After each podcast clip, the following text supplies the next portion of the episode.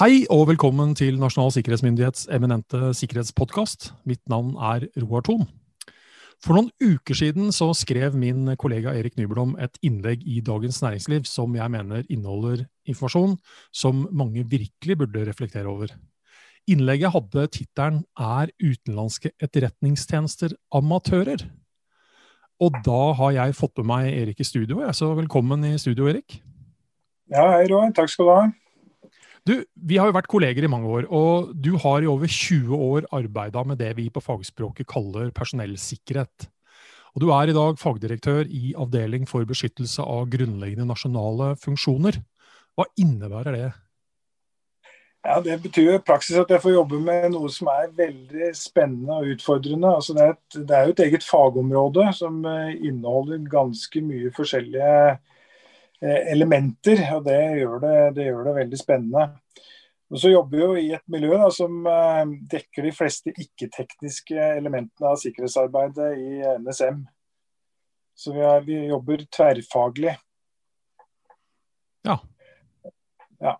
Så som, som, fagdirektør så har jeg jo en særlig rolle i det å sørge for at personellsikkerhetsfaget får uh, den plassen det skal ha i helhetstenkningen knytta til sikkerhetsarbeidet, eller den forebyggende sikkerhetstjenesten. da. Og det jeg gjør til daglig, er jo å drive utvikling av fagområdet, veilede både internt og eksternt, bidra til regelverksutvikling osv.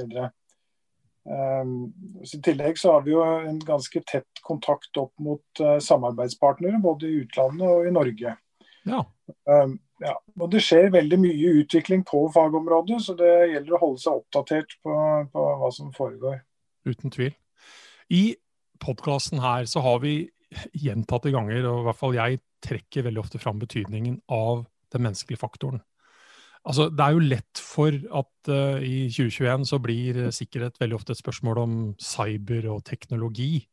Men altså, mennesket er jo det sentrale her, da, i uh, egentlig alt av sikkerhetsarbeid og tiltak. Og du har jo jobbet med personellsikkerhet i over 20 år. Men hva er egentlig personellsikkerhet? Ja, det Personellsikkerhetsbegrepet det favner jo et veldig stort spekter av både systemer og virkemidler. Det er jo egentlig et samlebegrep uh, som omfatter ulike tiltak som, uh, som, bidrar til å forebygge, avdekke og motvirke innsidevirksomheten. Og Innsidevirksomhet er jo et, uh, et tema som er kommet mer og mer på, på dagsorden. Eh, godt hjulpet av eh, gode trusselvurderinger og risikovurderinger som, vi, som bl.a. PST og Etterretningstjenesten og NSM eh, gir ut. Det vi ser jo både på det menneskelige, organisatoriske og de tekniske tiltakene, men fokuset er jo hele tiden mennesket. Og Når det gjelder disse organisatoriske og tekniske tiltakene, så ser vi hvordan disse kan påvirke mennesket, eller kan bidra til at mennesket handler på en god sikkerhetsmessig måte. Mm. Det er veldig viktig for oss innenfor det personellsikkerhetsarbeidet å forstå hva eh, som får mennesket enten til å styrke eller svekke sikkerheten i virksomheten.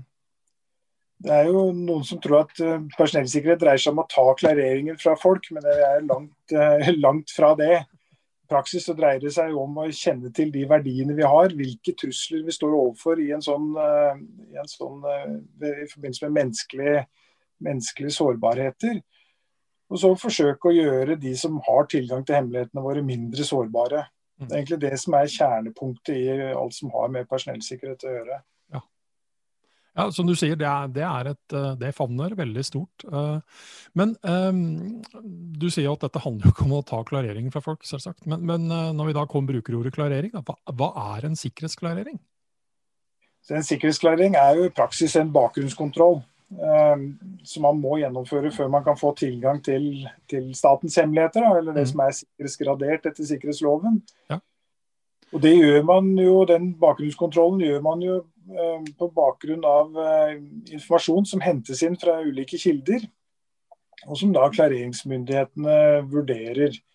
Eh, blant annet så hentes det inn informasjon fra vedkommende selv om, om forhold som ligger tilbake i, i tid, og som, som, kan være av sikkerhetsmessig betydning da vi vurderer skikketheten, som vi kaller det. Mm.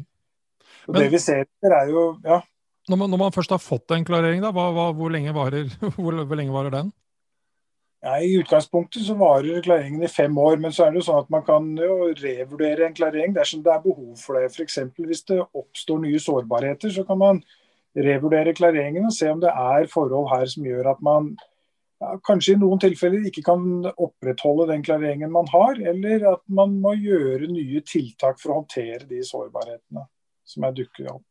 Og det er, jo, det er, jo, der veldig ofte si, noe av medieoppmerksomheten ender opp, da, når man da har hatt klarering før, og, ja. og så mister man osv. Eh, men, men du var jo egentlig inne på det når du snakket om personellsikkerhet i seg selv. Men, men hvis jeg spør deg liksom, enda mer presist, hvorfor, hvorfor, trenger vi et sånt system, sånn som altså, klareringssystemet er?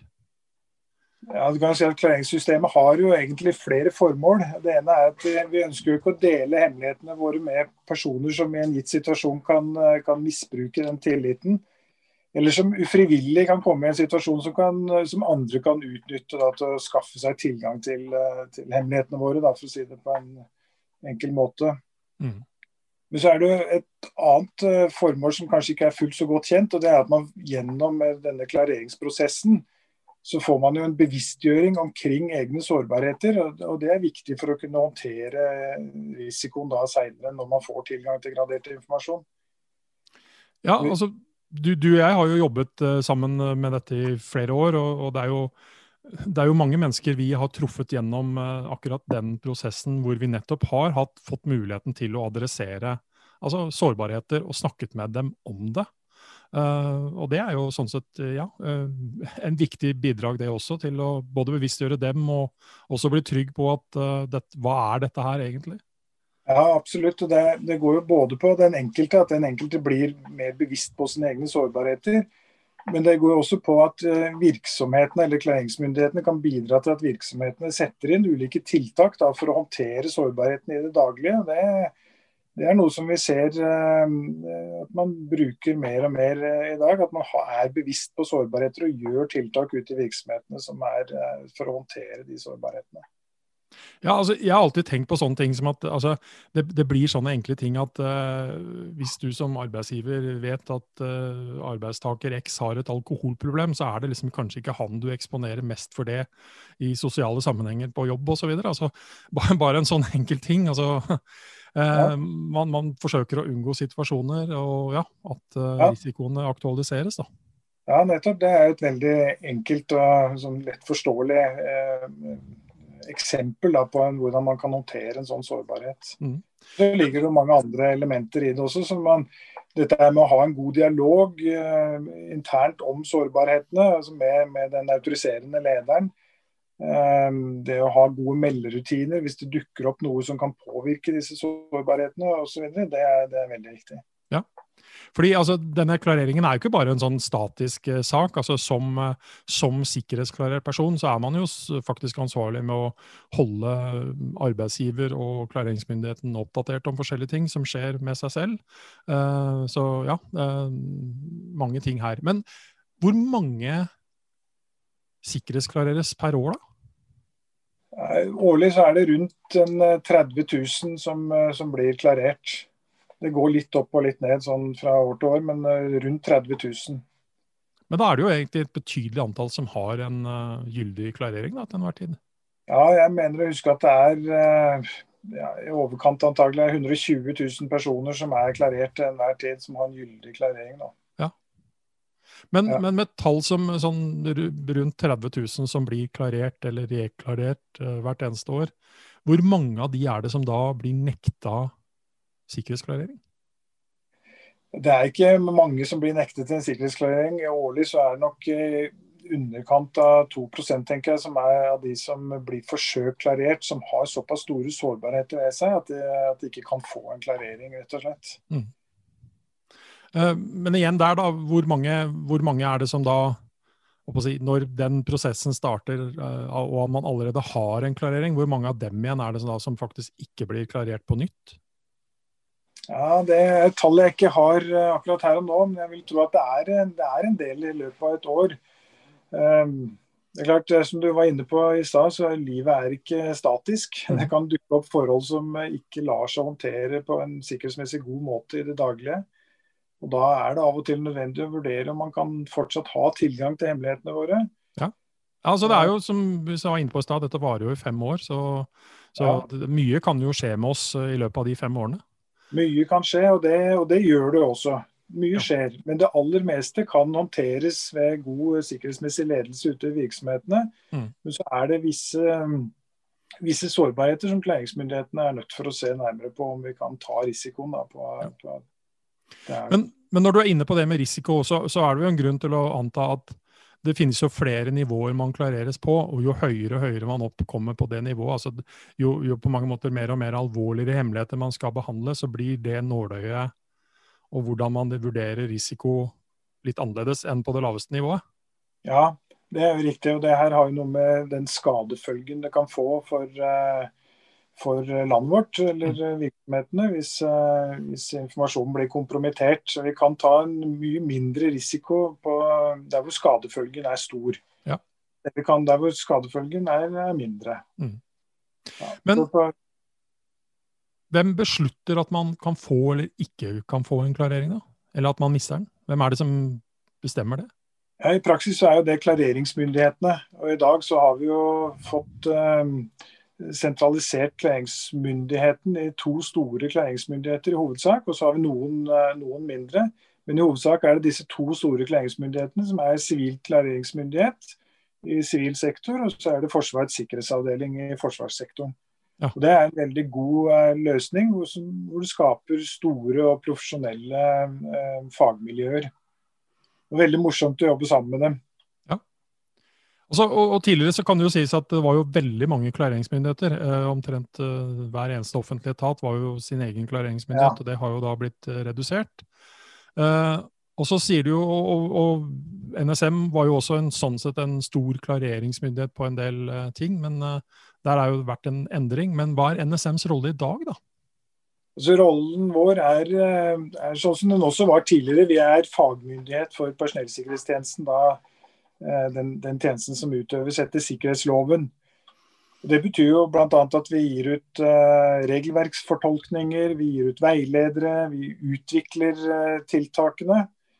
Uh, og vi støtter klareringsmyndighetene og virksomhetene ute der med, med, råd og veiledning innenfor eh, det fagområdet her. Og Behovet for råd og veiledning her er ganske stort. Det er et komplisert fagområde. og Det, det krever at man har en profesjonell tilnærming til det. Og I tillegg så er vi jo klagemyndighet for avgjørelser som tas av uh, klaringsmyndighetene. Mm. Um, så, som jeg sa tidligere her, så er det jo mye som skjer på personellsikkerhetsområdet. Både, både innenlands og utenlands. altså Det skjer en utvikling. og Det å ha en utstrakt kontakt med samarbeidspartnere det er også viktig for oss. Så Det er en del av det vi, vi legger mye vekt på da, i NSM. Å ha, holde oss oppdatert på mm. området. Så kan jeg nevne en annen ganske spennende sak som vi jobber med akkurat nå. Det er jo digitalisering av klaringsprosessen.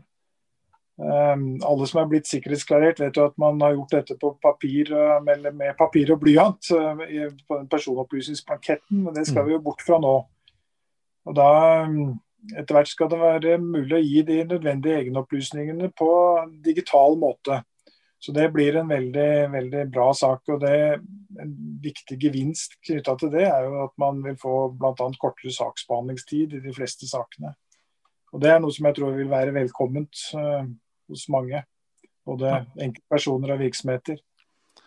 Uten tvil, tror jeg.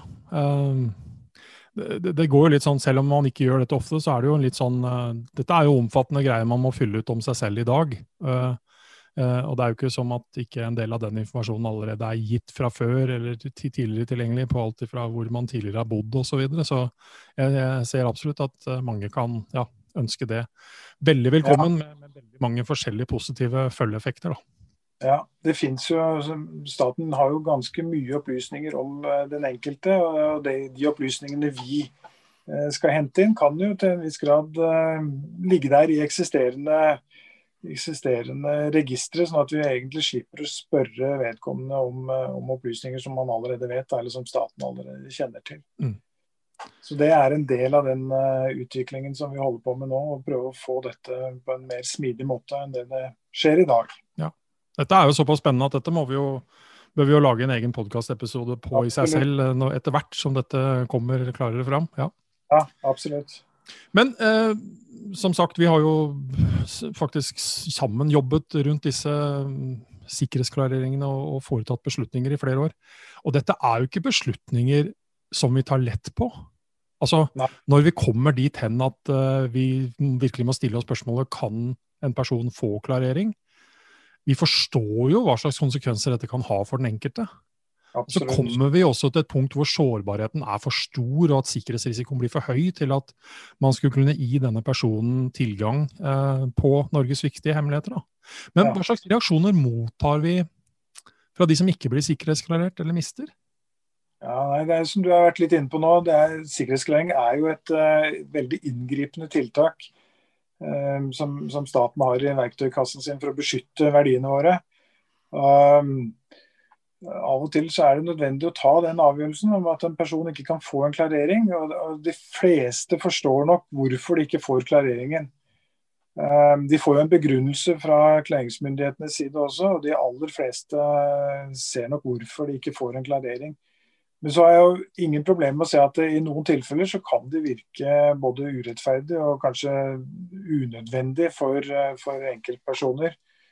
Og Det kan kanskje særlig, som jeg sa i det innlegget mitt, så kan det, så kan det særlig være der hvor vedkommende ikke har gjort noe kriminelt eller eh, har begått sikkerhetsbrudd eller eh, tilsvarende. Så kan det være vanskelig å forstå at man ikke får en sikkerhetsklarering.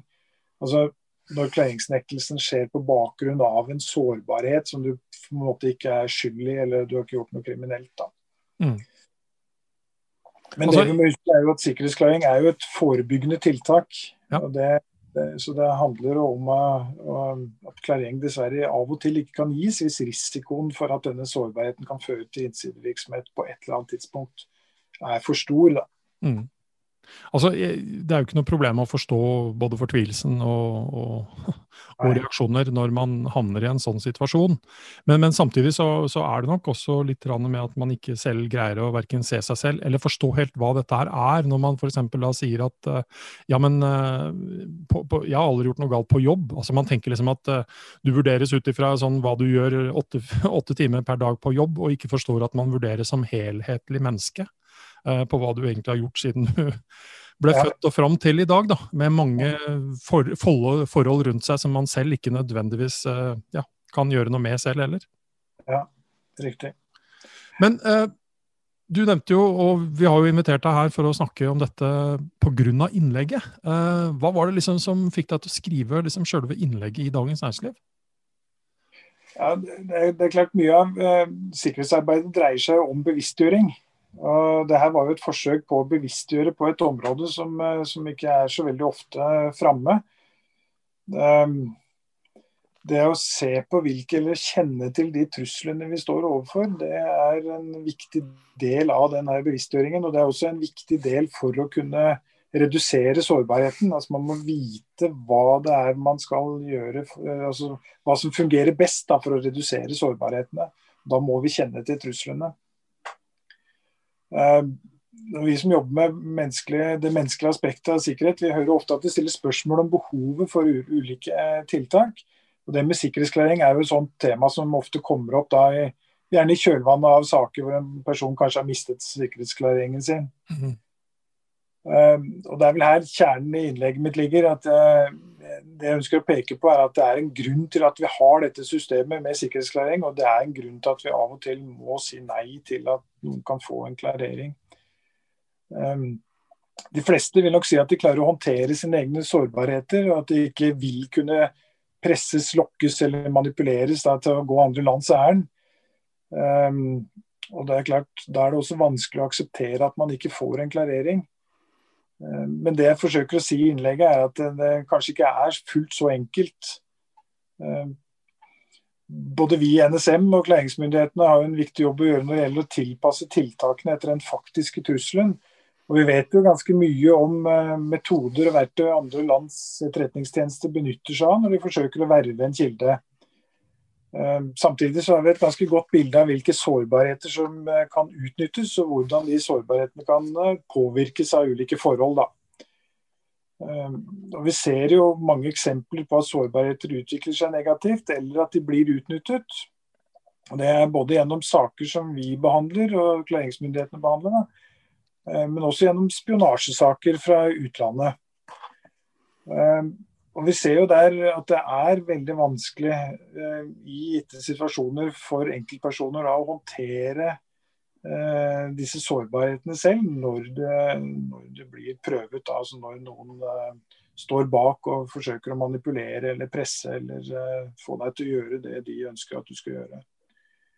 Så det er viktig å ikke være naiv i den sammenhengen her. Eh, vi må vite at de som, de som virkelig vil eh, forsøke å verve deg, de har et eh, ganske stort spekter av, eh, av, verktøy som de spiller på. Og de vet hva de gjør, de, de, er profesjonelle. Og det er kanskje ikke vi som sitter i, eller den enkelte da, som sitter i den andre enden og, og kanskje ikke ser dette spillet som foregår.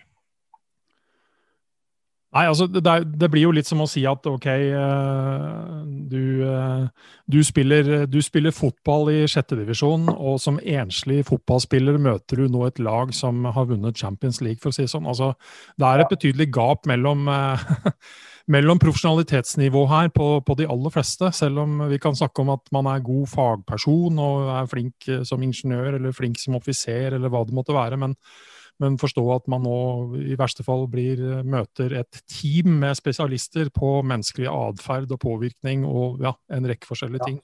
Ja, ja, helt, helt, helt riktig. Men, det. Dette her hører vi jo lite om vi ja. hører lite om det i media. Derfor tenkte jeg at det her kunne kanskje være en del av bevisstgjøringen da, å få, få sagt litt om det.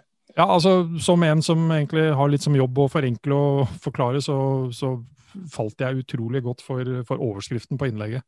Mm. For det setter det hele veldig på spissen, og jeg tror man kanskje lettere forstår hva vi egentlig snakker om. Men ja. forstår vi godt nok, altså vi som bor i Norge, hvilke trusler og metoder vi risikerer å bli utsatt for? Så jeg jeg syns generelt at vi har blitt mye mer bevisst i de tingene her i løpet av de siste årene. Um, det, og Det har nok kanskje kommet som et resultat av både konkrete hendelser, men også det faktum at uh, man har innsett at samfunnet har blitt mer sårbart. Uh, innenfor personellsikkerhetsområdet så har vel eksempelvis dette med globaliseringen uh, som har ført med seg nye sårbarheter, eller sårbarheter i hvert fall som vi så mye mindre av da, tidligere. Um, så har jo PST og Etterretningstjenesten blitt mye mer åpen og konkret på de truslene vi står overfor. Samtidig som NSM på sin side har satt fokus på sårbarhet og sikkerhetstiltak. Så jeg tror at vi, vi er i ferd med å forstå mer av dette. og Vi møter større forståelse av det her ute når vi er ute og snakker med, med virksomhetene og enkeltpersoner. Mm.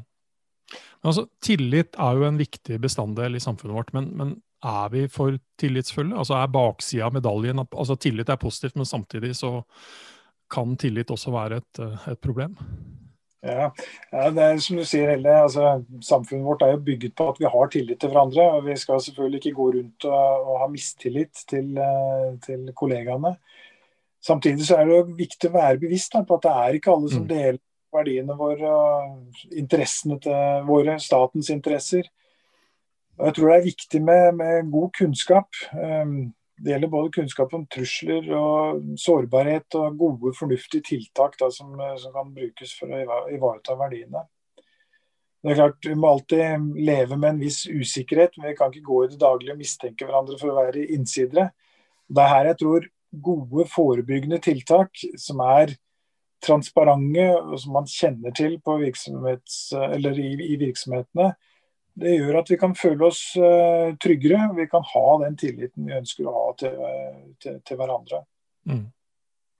Ja, altså, jeg, bare, bare en sidegreie, men jeg ble for noen år tilbake oppfordra innenfor helsesektoren og skulle holde et foredrag. og de, de, var så bekymret for hvordan kom vi til å snakke om sikkerhet, for de skulle jo være et, eh, en åpen organisasjon, og de skulle hjelpe og alt det der. Og jeg forsøkte å gjøre et poeng av at ja, og det må vi forsøke å få til, men, men man greier ikke nødvendigvis å få til det hvis man faktisk ikke har noen sikkerhetstiltak i bakgrunnen. Altså ikke noe som stenger dørene, men så faktisk hjelper man til å kunne fortsatt ha den tilliten og være åpen. Men hva kan vi gjøre for å forbedre? For, for det du sier, er jo til syvende og sist at uh, vi har nok et forbedringspunkt på å opplyse samfunnet om både personellsikkerhet og, og, litt av det vi har snakket om nå. Hva, hva, kan vi gjøre for å forbedre den kunnskapen og forståelsen for uh, personellsikkerhetsfaget?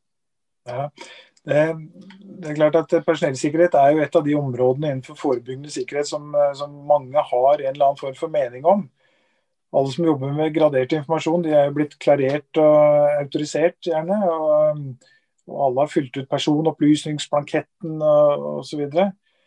Ehm, men allikevel så opplever vi jo ofte at kunnskapen om tiltakene, altså klarering, autorisasjon og daglig sikkerhetsmessig ledelse, som er liksom de tre hovedbolkene av personellsikkerhetstiltakene, da, kunnskapen om de, det er eh, enten litt svak, eller så er det bygget på historiefortellinger som dels ikke er, eh, ikke er helt riktige. Det er jo egentlig litt rart, for fagområdet personellsikkerhet er jo gjennomregulert i sikkerhetsloven og forskriftene.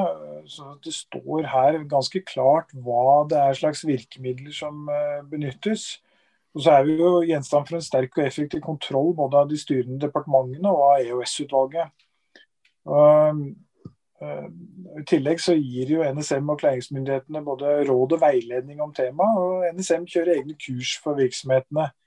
Så det er mulig å, er mulig å sette seg relativt godt inn i hva dette opplegget, altså dette opplegget med personellsikkerhet egentlig dreier seg om. Mm. Mm. Men hva, hva, skal man gjøre om man uh altså nå er det jo, Du nevner eh, en del lover og, og ting. Eh, men hva skal man gjøre om man liksom virkelig ønsker å vite mer om dette her, da? Ja, først og fremst så vil jeg jo sagt at man bør ta en titt på NSMs hjemmesider. For der har vi nå fått opp ganske gode sider som sier eh, litt om dette fagområdet. Og som også ser fagområdet i sammenheng med alle de andre sikkerhetstiltakene. og Det er jo veldig viktig for, for oss. Det er en dette er ikke et isolert sikkerhetstiltak, det er et tiltak som må ses i sammenheng for å få, for å få effekt. Eh, på hjemmesidene så vil du finne både veiledere, rapporter, håndbøker osv. som gir et godt innblikk i hva, det, hva, disse tiltakene egentlig dreier seg om. Vi har også flere skriftlige produkter på trappene, så det er bare å følge med. Mm. Så vil jeg jo si at, eh, Som jeg nevnte her tidligere, så PST og Etterretningstjenesten de gir jo ut og det jeg er fantastisk gode trusselvurderinger hvert år. Mm. Som, eh, som, man eh, må lese for å, for å holde seg oppdatert om, eh, om, de aktuelle truslene. Og Hvis man leser disse sammen med NSMs årlige risikovurderinger, så får man et godt og oppdatert overblikk over, over risikobildet og over de tiltakene som, som anbefales. Så til slutt så kan jeg kanskje også nevne EOS-utvalgets årsrapporter, som, eh, som, eh, i praksis tar personellsikkerhetsarbeidet på pulsen. Og De bidrar jo også til at eh, både tjenestene og de forskjellige ja, utvikles. da, At, man, at både tjenesten og fagområdet utvikles videre. Mm. Og I de årsrapportene så er det mye interessant lesning for de som vil sette seg litt inn i hvilke problemstillinger som er aktuelle akkurat, akkurat i dag. Ja. Her er det veldig mye uh, å kunne lese seg på dersom man er interessert i det. Uh, det er mye kunnskap her som kan gjenbrukes også når det gjelder mennesker generelt uh, eh, knytta til sikkerhet, og ikke bare de som skal sikkerhetsklareres. Altså, fokus på innsiderisikoen i seg selv er viktig, uansett om man da er underlagt sikkerhetsloven eller ikke. Eh, jeg sier takk for at du stilte opp i studio, Erik. Og så ønsker jeg deg en riktig god dag og sikker god dag videre. Ja, takk i like måte, Roar. Og det samme gjelder dere som lytter på, og så høres vi kanskje igjen neste uke, hvor vi kommer med en ny podkastepisode om et eller annet sikkerhetstema. Hei så lenge.